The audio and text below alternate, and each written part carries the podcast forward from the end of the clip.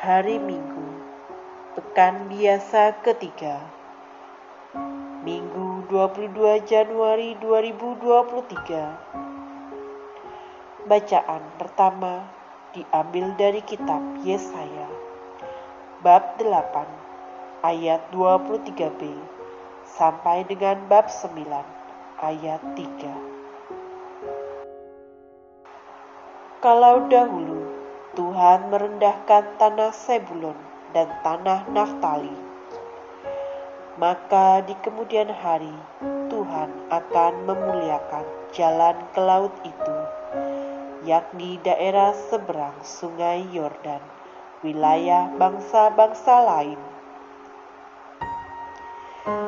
Bangsa yang berjalan di dalam kegelapan telah melihat terang yang besar terang telah bersinar atas mereka yang diam di negeri kekelaman. Engkau ya Tuhan telah banyak menimbulkan sorak-sorai dan sukacita yang besar. Mereka telah bersukacita di hadapanmu, seperti orang bersukacita di waktu panen, seperti orang bersorak-sorak di waktu membagi-bagi jarahan. Sebab kuk yang menekan bangsa itu dan gandar yang di atas bahunya, serta tongkat si penindas telah kau patahkan, seperti pada hari kekalahan Midian. Demikianlah sabda Tuhan.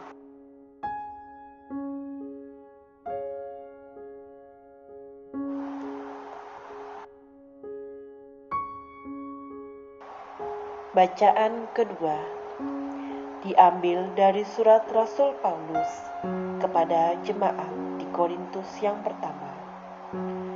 Bab 1 ayat 10 sampai ayat 13. Dilanjutkan dengan ayat 17. Saudara-saudara, aku menasihati kamu demi nama Tuhan kita Yesus Kristus supaya kamu seia sekata, dan jangan ada perpecahan di antara kamu. Sebaliknya, hendaklah kamu erat bersatu dan sehati sepikir. Sebab saudara-saudaraku, aku telah diberitahukan oleh orang-orang dari keluarga Chloe bahwa ada perselisihan di antara kamu. Yang aku maksudkan ialah bahwa kamu masing-masing berkata, "Aku dari golongan Paulus," atau "Aku dari golongan Apolos," atau "Aku dari golongan Kefas," atau "Aku dari golongan Kristus." Apakah Kristus terbagi-bagi? Adakah Paulus disalibkan demi kamu? Atau adakah kamu dibaptis dalam nama Paulus? Sebab Kristus mengutus aku bukan untuk membaptis, melainkan untuk memberitakan Injil. Dan itu pun bukan dengan hikmat perkataan, supaya salib Kristus jangan menjadi sia-sia. Demikianlah sabda Tuhan.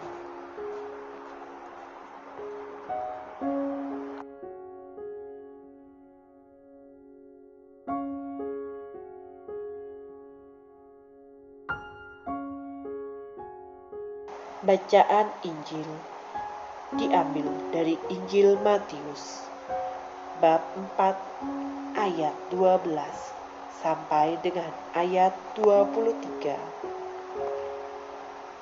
Ketika mendengar bahwa Yohanes Pembaptis telah ditangkap, Yesus menyingkir ke Galilea. Ia meninggalkan Nazaret dan diam di Kapernaum, di tepi danau, di daerah Sebulon dan Naftali dengan demikian, genaplah firman yang disampaikan oleh Nabi Yesaya.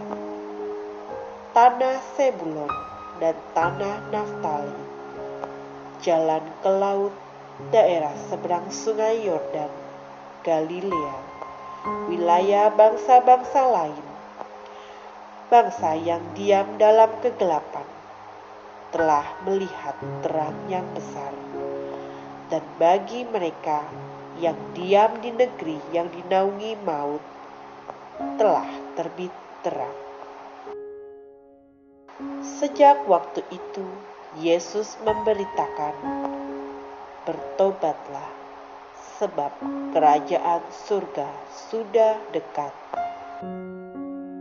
Ketika Yesus sedang berjalan menyusur Danau Galilea, ia melihat dua orang bersaudara yaitu Simon yang disebut Petrus dan Andreas saudaranya.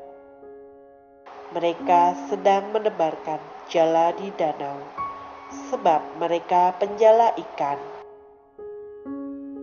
Yesus berkata kepada mereka, "Mari, ikutlah Aku, dan kamu akan kujadikan penjala manusia." Mereka pun segera meninggalkan jalannya dan mengikuti Yesus. Setelah pergi dari sana, Yesus melihat pula dua orang bersaudara, yaitu Yakobus anak Sebedeus dan Yohanes saudaranya, bersama ayah mereka Sebedeus mereka sedang membereskan jala di dalam perahu. Yesus memanggil mereka, dan mereka segera meninggalkan perahu serta ayahnya, lalu mengikuti Yesus. Yesus pun berkeliling di seluruh Galilea. Ia mengajar dalam rumah-rumah ibadat dan memberitakan Injil Kerajaan Allah serta melenyapkan segala penyakit dan kelemahan di antara bangsa itu. Demikianlah sabda Tuhan.